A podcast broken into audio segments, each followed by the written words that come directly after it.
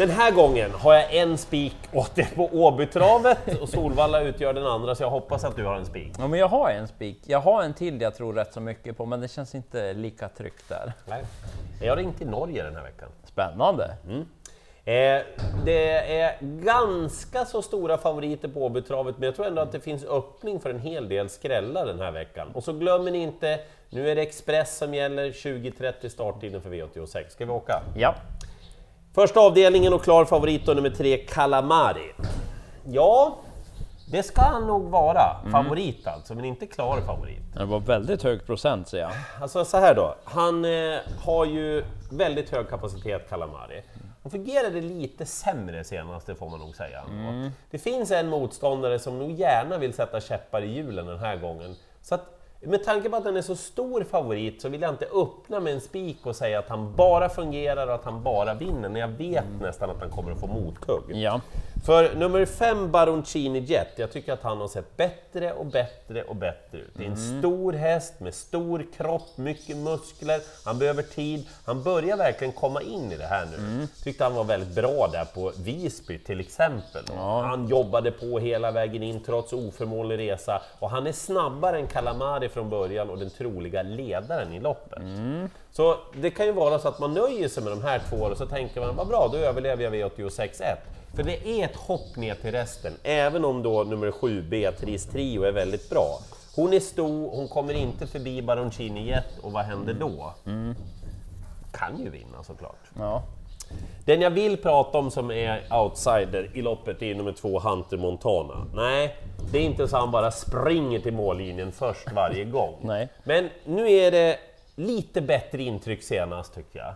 Det är Carl-Johan Jeppsson med en amerikansk sulky, bra utgångsläge och Björn Goops träningsstall. Alltså han har ju fällt ut vingarna nu va, de är ju på har väg att lyfta verkligen. Är det open stretch vi tänker här också kanske då? Skulle han kunna ta sig förbi Nikita Wrightout och få ryggledaren till exempel då på Baroncini Jet? Ja, tusan. Kanske det skräller i första? Ja, men, men som sagt, de är väldigt starka de där två, Calamari och Baroncini Jet, det måste jag säga. Eh, avdelning två sen, lite småsvårt sådär, men jag har ju den jag tror mest på. Väldigt jämspelat när vi gör det här. Jag vet faktiskt inte vem som kommer bli favorit om jag ska vara ärlig. Men jag tycker nog ändå att 8 Cheyenne Selva ska vara favorit. Den har vi pratat en del om här i 8 rätt. Ja, och den var ju väldigt fin vid den där segern i raden. Men det var ett litet tag sedan hästen har varit struken efter det, kanske inte visat någon sån där superstartsnabbhet. Och så spår 8 då. Så att, känns ju lite lurigt så sett, men är den lika bra som när den vann, då var det till och med extra växeln sparad också. Så då tror jag ju mest på den, men det är ett garderingslopp. Ni ser vilka som är spelade, ett gäng där alla de kan vinna. Men jag tänkte väl prata om en häst jag pratat om förut och få säga lite samma sak, fast det var för ett par månader sedan. Vänta, är det? Conte partiro. Han är det, nummer fyra. Gör ju comeback nu igen då. Gjorde det på V86 när jag pratade om honom. Men då blev han struken och så har det dröjt en tid och så har han till och med fått kvala nu då för att det var väldigt länge sedan han startade. Men jag gillar det intrycket i kvalet. Han såg fin ut, bra utgångsläge, inte så hårt spelad. Den skulle kunna räcka direkt så att jag nämner den bakom. Men ja, man behöver nog ett par streck och sitta safe. Jobbigt lopp det där. Ja, Eh, V86 tredje avdelning, klar favorit nummer ett, Betting Pacer, perfekt utgångsläge, bra form, men jag spikar ändå inte. nähä. Jag tror att Betting Pacer är en sån typ av häst som är missgynnad när alla får chansen. Och det får Okej. man ju på Åbytravet. Det, hur ska han köra Johan Untersteiner? Ska han hålla högt tempo eller ska han hålla lågt tempo? Va, vilket ska han göra? Det kommer att vara någon eller några Någon som vill hugga där som bakom. får rätt lopp i alla fall. Ja, ja. Eh, tror att hon blir för stor favorit, Betting Pacer. Lite ojämn också, kan jag tycka. Eh, fem Berenice B kommer det bli mycket surr om. Hon kommer att stiga ordentligt i spelprocent.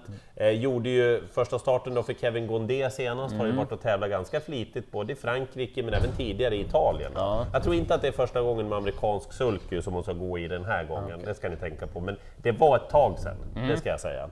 Eh, hon ser ut som en rätt bra häst och borde kunna matcha de här ganska enkelt.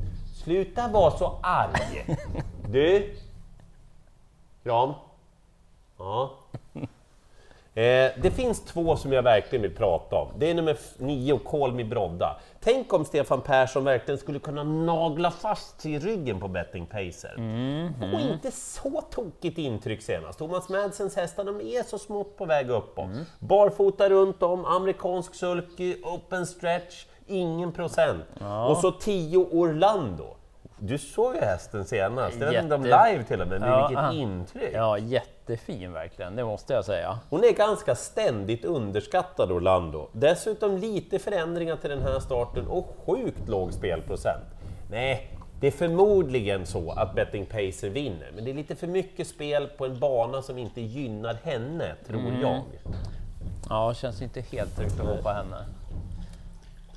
Men däremot så tänkte jag spika av den i fyra. Jaha? Eh, just eftersom det är två hästar som sticker ut, men den ena är det jättemycket frågetecken på tycker jag.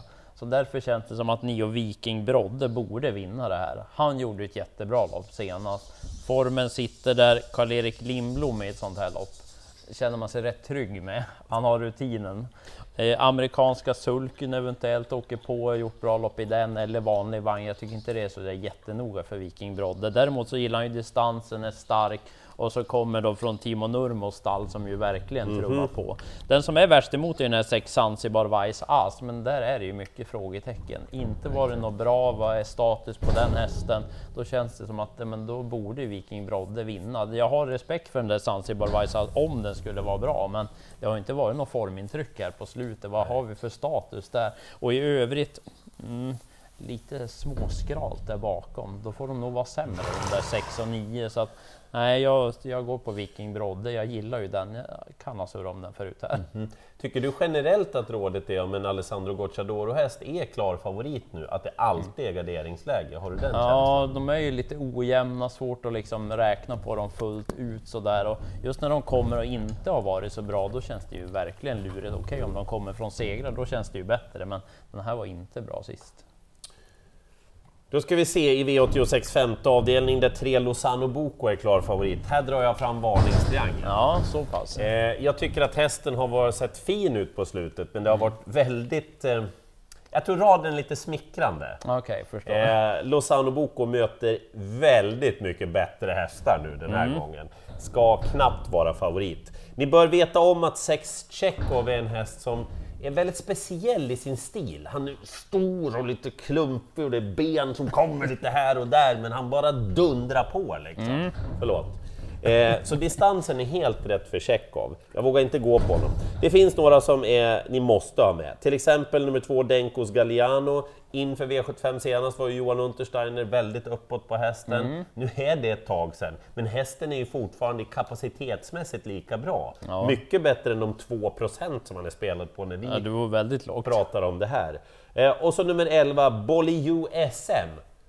Tror nog att han hade vunnit utan ett störningsmoment. Titta gärna på det, men ni ska se ett lopp. Han har lite problem med travet runt sista kurvan, kommer in och så blir det galopp framför, han blir störd då och galopperar. Han hade vinstkrafter kvar i det läget.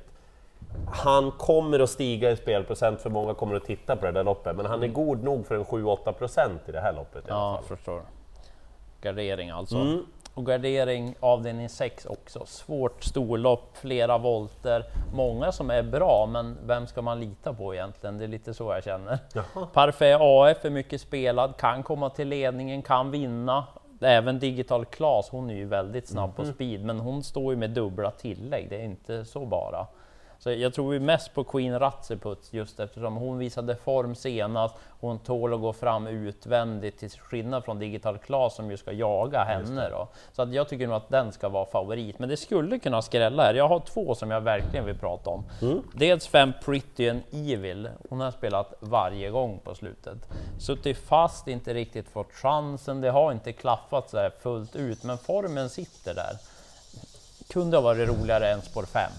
Men formen sitter där Mattias Djuse stall går ju bra också. Verkligen. Nu får broder Magnus testa. Han har kört en gång tidigare, då vann han med henne. Så att kanske lite stolpe in den här gången. Och så sex Sally Gel, hon är väl också i princip Ja, ospelad. verkligen. Men hon fick inte riktigt chansen sist. Jag tycker att hon såg bra ut då. Ganska snabb från start, springspår. Kan hon sitta ryggledaren tredje inner, då är hon snabb en bit till slut. Så att de två känns mest spännande. Sen plockar jag med ett Onion Santoma också, även den är ju startsnabb. Hon var tidigare anmäld barfota runt om, men det verkar inte bli det. Det har hunnit bli ändrat redan. Hopp. Jag spikar i V86.7. Spiken kommer från Norge. Här kram. Ett Amon Weiss As. Det är inte första gången som hästen kommer att tävla, alltså att ha ett körspö, att kusken får med sig ett körspö. Den inledde karriären i Tyskland och Holland nämligen. Ah, okej. Vann sju av de 16 första starterna. Eh, har varit jättebra i Norge och står, om ni tittar lite, mm, in i det här loppet. De har sneglat lite Ja, ja, helt perfekt. Jag pratade med Herman Tvätt idag faktiskt och han sa svensk voltstart innebär inte några problem. Han är väldigt säker. Han är dessutom snabb i början. Perfekt med spår 1 då också. Fråga lite om det här med amerikansk sulky som han tävlar med kontra vanlig. Ja. Han sa vi har haft det, sa han, men det, det har inte varit den där väldiga effekten. Jag brukar ju vara lite allergisk när de går tillbaka. Ja, men han propsade verkligen på att nej, det ska inte vara så ska stor inte skillnad. vara. Nej. Eh, dessutom sa han, har hästen varit väldigt bra och är dålig när det är liksom medeldistans och lite sådär. Han hinner inte riktigt få upp farten. Nej. Det här såg helt perfekt ut då, eh, när det är de här förutsättningarna med 3000 meter. Jag tror helt enkelt att han är god nog för en 40 procent den här hästen. Och eftersom han är 20 procent när vi gör det här, Då är en bra spik. gadabang. Fint! Ja. För det behövs mycket streck i sista, för det är Jaså, svårt. det? Roligt att det här ligger på dagens dubbel, The Owners Trophy. ja, just Men det! är alltså, det, ja. alla hästar kan i princip vinna.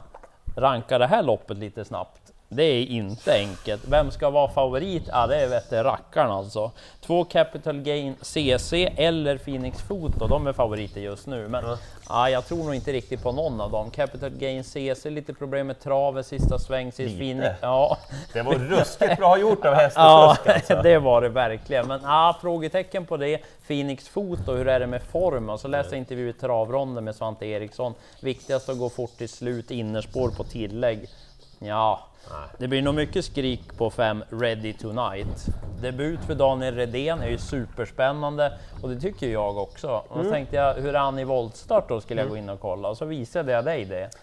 Eh, sist han provade såg det jättebesvärligt ut. Alltså chanslöst är nästan en underdrift. Ja, det var ju ett tag sedan han inte Ja. provade ofta, så att ja, men ja, spår 5 var inte bra med tanke på det. Så att jag nämner en häst bara. Det är tre Kimi di Quattro. Tycker den har toppform, den är snabb iväg, kan den komma till ledningen, sett jättebra ut.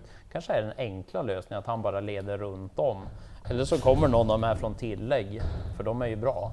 Men gillar de tillägg verkligen de där? Nej, det var Det- faktiskt väldigt mm. sant.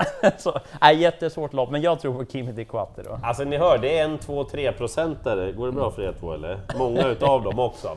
Amon Wise Ass, där har ni min spik när vi tittar på sammanfattningen. Och jag tror på Viking Brodde, ja.